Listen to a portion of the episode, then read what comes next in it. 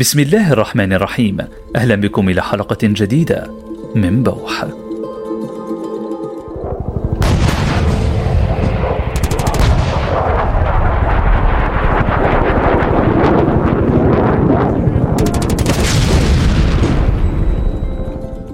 لا تتوقف ويلات الحروب بتوقف إطلاق النار وانسحاب الدبابات ولا بإخماد نيران النفحمه الأخضر واليابس. ويلات الحروب وآثارها تبقى راسخة في عقل ونفس كل من عاشها. قريبا كان أو بعيد. طي صفحة الحرب يفتح صفحة جحيم من نوع آخر. يعيشه الناجون من الموت بعد أن يدركوا أنهم بلا مأوى ولا عائلة وبمستقبل مجهول الملامح والتفاصيل. طي صفحة الحرب لا يعني طي صفحة آثارها ابدا. لا سيما تلك التي تتغلغل في قرارة أنفسنا. وفق ما نشرته منظمة بيان فإن الأطفال هم الأكثر تضررا من الحروب والنزاعات فهي تزرع فيهم الشعور الدائم بالخوف والقلق والاكتئاب وتسبب تأخر النمو العقلي والبدني والعاطفي بالإضافة لصعوبة الاندماج في المجتمعات. وحسب إحصائيات اللجنة الدولية للصليب الأحمر فإن واحدا من كل خمس أشخاص يعاني من آثار ما بعد الحروب والنزاعات. ولأننا نؤمن بأن أهل الاختصاص هم الأحق في الحديث في هكذا تفاصيل يسعدنا اليوم استضافة الدكتور محمد أبو صليح طبيب نفسي من الأردن. أولا شكرا جزيلا لك دكتور محمد على المشاركة وعلى قبول دعوتنا. آه، بادئا ببدء آه، ما هو التعريف الأكاديمي لما يمر به الفرد بعد نهاية الحروب؟ بداية شكرا جزيلا لبودكاست ضوء على هذه الاستضافة. الآثار النفسية للحروب آثار متعددة وكبيرة. ويمكن تقسيمها إلى عدة أنواع. تبدأ بداية بشعور الفقد غالبا ما تنتج الحروب آه، بمجموعة كبيرة من الوفيات ومن الضحايا. وبالتالي آه، فمن يبقى سوف يشعر بشعور الحزن والفقد آه، على هذه الضحايا وعلى هذه وعلى من وعلى من يفقدهم وشعور الفقد قد قد يمتد بطبيعته إلى نوع من الحزن وإلى نوع من الاكتئاب. والنوع الآخر من التأثر هو ما يسمى باضطراب كرب ما بعد الصدمة لأن الحروب آه، تخلف مجموعة كبيرة من الصدمات عند من يعيشها، صدمات متعلقة آه، بالتجارب الصعبة اللي ممكن أدت إلى خسارة آه، أهلهم أو إلى خسارتهم أنفسهم أو إلى خسارة بيوتهم أو إلى أن كانوا في تجارب قريبة من من الموت وبالتالي هذه الظروف الصعبة تشكل صدمات عند عند الأفراد وتتطور فيما بعد لإضطراب نفسي يسمى باضطراب كرب ما بعد الصدمة. آه، وهذا الاضطراب في العادة آه، يبدأ بالظهور غالبا بعد آه، ما يزيد عن الشهرين من تعرض الإنسان للحدث الصادم في حياته. على سبيل المثال مثلا قصف بيته أو وفاه أحد من من أفراد عائلته امام أمام عينه. وتكون الأعراض في مثل هذه الاضطرابات يعني متنوعة وكبيرة. اهمها لربما هو ما يسمى بأعراض إعادة الذاكرة أو استعادة الذاكرة re-experiencing symptoms بنسميها. اللي هي إنه الشخص آه، اللي مر بظرف صادم بيرجع بيتذكر الحدث الصادم بتفاصيله وبكل المشاعر التي عاشها في تلك اللحظة. إما بيتذكرها وهو نايم عن طريق الكوابيس أو بيتذكرها وهو صاحي عن طريق ال flashbacks. إنه فجأة تجيني آه، ذاكرة آه، زخمة جدا آه، بالمشاعر وبالتفاصيل التي مر فيها في لحظة الصدمة مع إنه الصدمه مرت صار لها شهرين ثلاث شهور سنة سنتين انتهت ولكن لا يزال اثرها موجود على الإنسان. فهذا اول جزء من الاعراض تبعت ما بعد. الصدمه اللي سميناها ال re-experiencing behaviors العرض الثاني هو وجود الإنسان في حالة من حالات التأهب المستمر. فهو بيكون في حالة من من الترقب دائما إنه في شيء راح يصير في حدث قادم راح يكون موجود. وهذا بيفرض على على جسم الإنسان شعور عالي بالقلق وبالتوتر فتكون العضلات دائما في حالة استنفار العضلات دائما مشدودة بيكون ضغط الدم مرتفع بيكون نبضات القلب متسارعه التنفس تبع الإنسان بيكون متسارع فانه عم بمر بفترة من فترات القلق والتوتر المستمر فهو دائما يعيش في حالة من حالات التاهب دائما إنه في شيء راح يصير. والنوعيه الأخيرة من الأعراض بسموها أعراض التجنب ال avoidance symptoms إنه الإنسان بصير يبتعد عن كل ما يذكره بالحدث الصادم اللي مر فيه. صحيح. فإذا مثلا صار صار معاه الحدث في شارع معين ما بده يدخل هذا الشارع. أو اذا إذا بيربط الحدث بأغنية بموسيقى بشخص بده يبتعد عن هذه الأشياء حتى لا يرجع ويتذكر.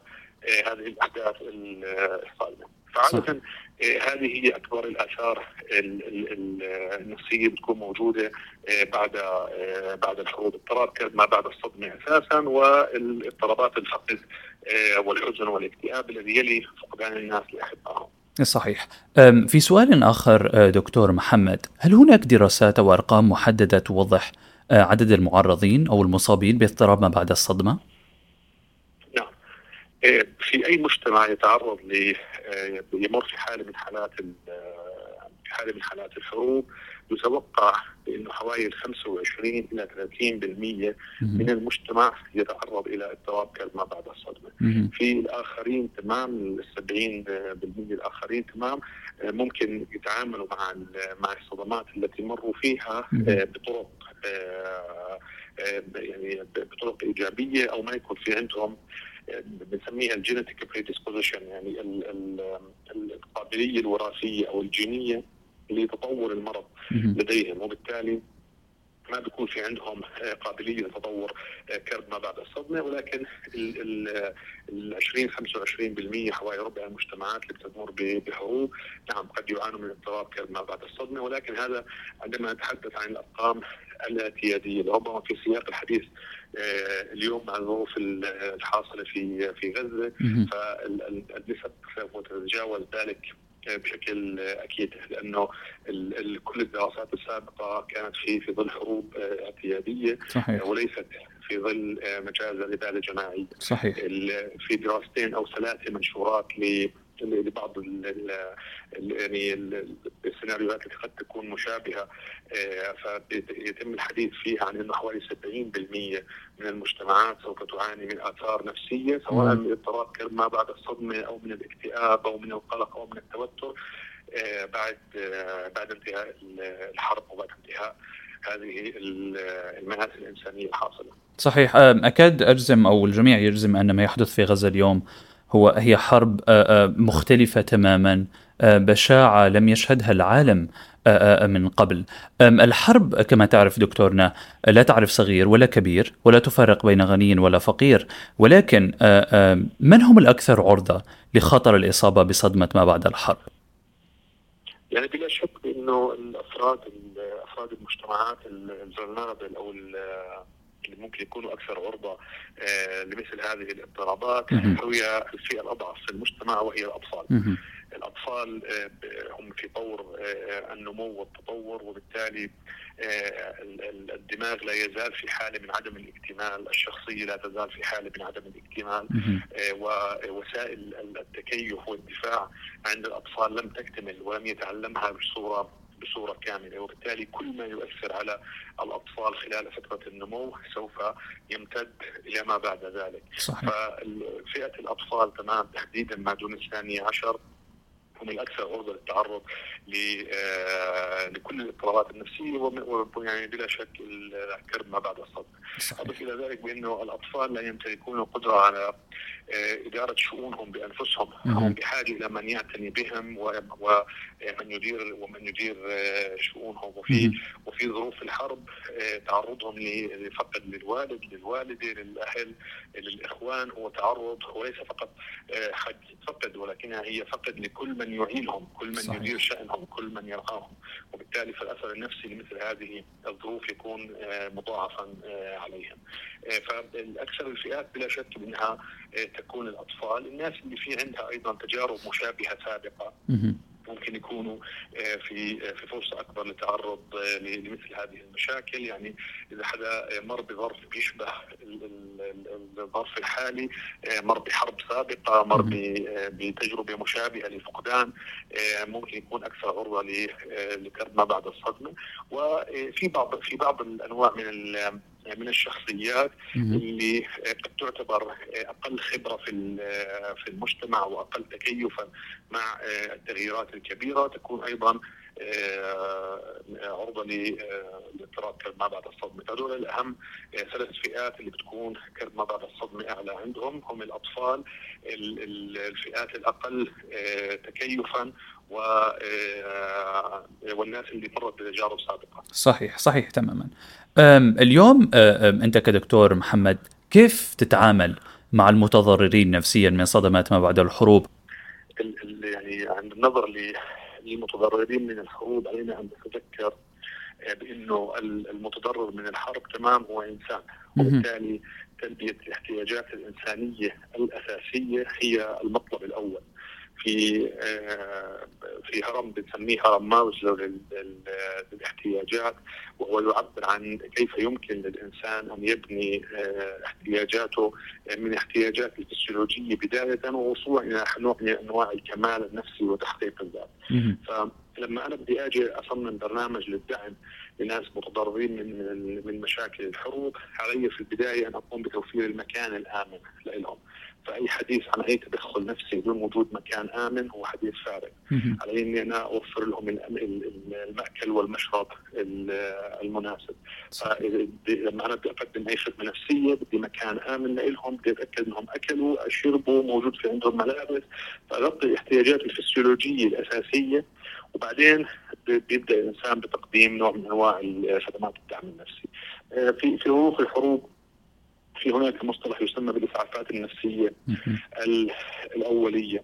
والإسعافات النفسية الأولية تعتمد أساسا على آه، فكرة الاستماع آه، غير غير المحكوم النون جادجمنتال أنا بسمع للفرد بطريقة ما بحكم فيها. آه، على التجربة اللي مر فيها ولا على ردود فعله وبطريقه أيضا لا تكون تحقيقية. ما بكون أنا عم بسأل فيه وبدي آه، استثير آه، ربما مشاعر أو أو آخذ معلومات وبيانات. منه بقدر ما هو عملية استماع وذا ناتشورال فلو مع مع السياق الطبيعي للحديث يديرها الشخص نفسه وليس المستمع.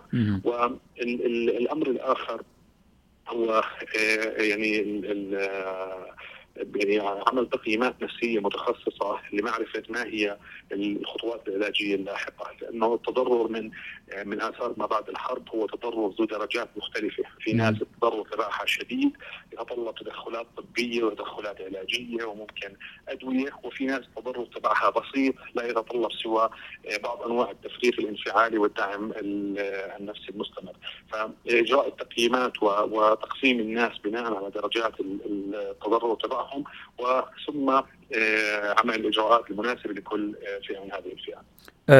في نفس السياق دكتورنا اليوم نحن نشهد آه، حرب على قطاع غزة لكنها لكن شهادتنا ليست حضورية نحن بعيدين كل البعد عن عن المنطقة ولكننا متضررين بشكل أو بآخر كيف من الممكن أن نعالج أنفسنا من المشاهد من هذه الأحداث من من الصدمة من هول الصدمة. بلا شك إنه نحن اليوم متضررين غير مباشرين من الحرب. فكما ذكرت يعني الحرب لا تقع علينا بشكل مباشر ولكننا نشاهد آه، أهلنا وناسنا وشعبنا آه، بمر بهذه الظروف الإبادية الصعبة وبإجرام الاحتلال الصعب. وبالتالي تضررنا علينا ان نسال أنفسنا بداية لماذا نتضرر نفسيا أصلا؟ لماذا نتأثر نفسيا بما نشاهده؟ وربما الجواب واضح إنه هناك مجموعة من القيم والمبادئ والأخلاقيات التي تربينا عليها والتي أصبحت جزء من من شخصياتنا، قواعد أخلاقية زي مثلا نصرة الحق، قاعدة زي العدالة، قاعدة زي نصره المظلوم، مساعدة الأخ، مساعدة الصديق، وعندما نرى بأن هذه القواعد الأخلاقية التي أصبحت جزء من شخصياتنا لا يتم تطبيقها على أرض الواقع نقع في في آه، في حالة من عدم التوازن النفسي، إني أنا أؤمن بشيء ولكن ما أؤمن به لا يتم تطبيقه على أرض الواقع. وحالة عدم التوازن النفسي هي ما تظهر على أعراض من أعراض العصبية، القلق، الحزن، الشعور بالعجز وقلة الحيلة، آه، الاكتئاب وهذه الأعراض للأمانة في مجتمعاتنا العربية اليوم آه، يعني أصبحت طاغية وكبيرة بسبب آه، بسبب الحرب وبسبب هذا الكسر الأخلاقي إن صح التعبير بأنه ما ما نؤمن به لا نراه مطبقا بشكل واقعي في في الحياة. تمام. كيف نتعامل مع هذه المشاعر؟ علينا أن نعيد التوازن النفسي إلى حياتنا. كيف وكيف نعيده؟ بأنه علينا أن نقوم بتحويل مشاعر الغضب، الحزن، العجز، قلة الحيلة، كل هذه المشاعر التي الموجودة لدينا اليوم.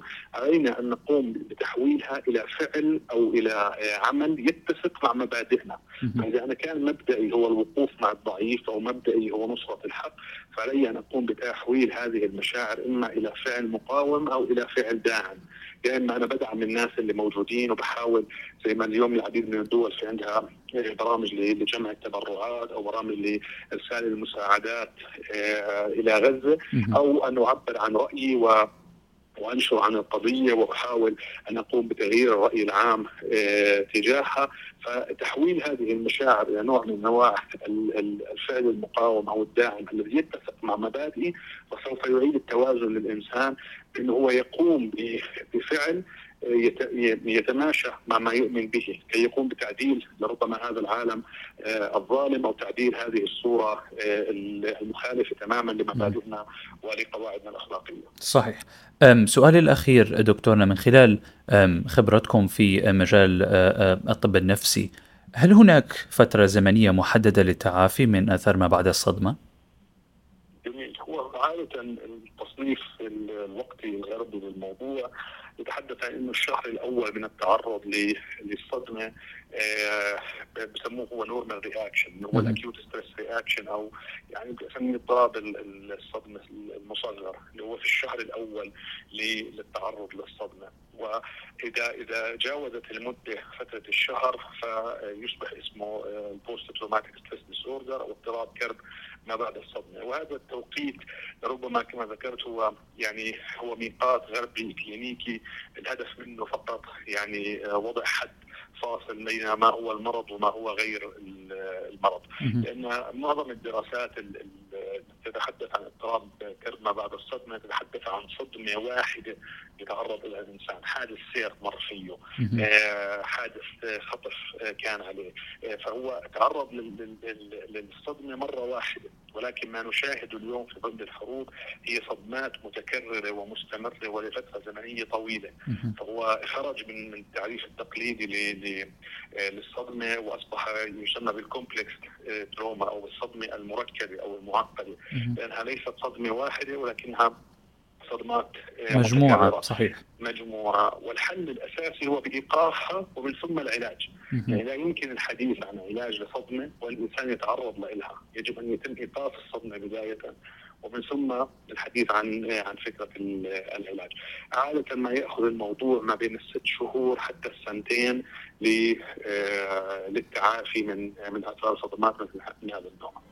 شكرا جزيلا لك دكتور محمد أبو صليح كنت معنا من عمان. والشكر موصول لكم كذلك مستمعينا. الحرب لا تضع حقا أوزارها ولا تموت ابدا فآثارها النفسية تبقى حية فينا. إلى هنا نصل لنهاية حلقة اليوم من بودكاست بوحة تحياتي أنا العماد دمتم آمنين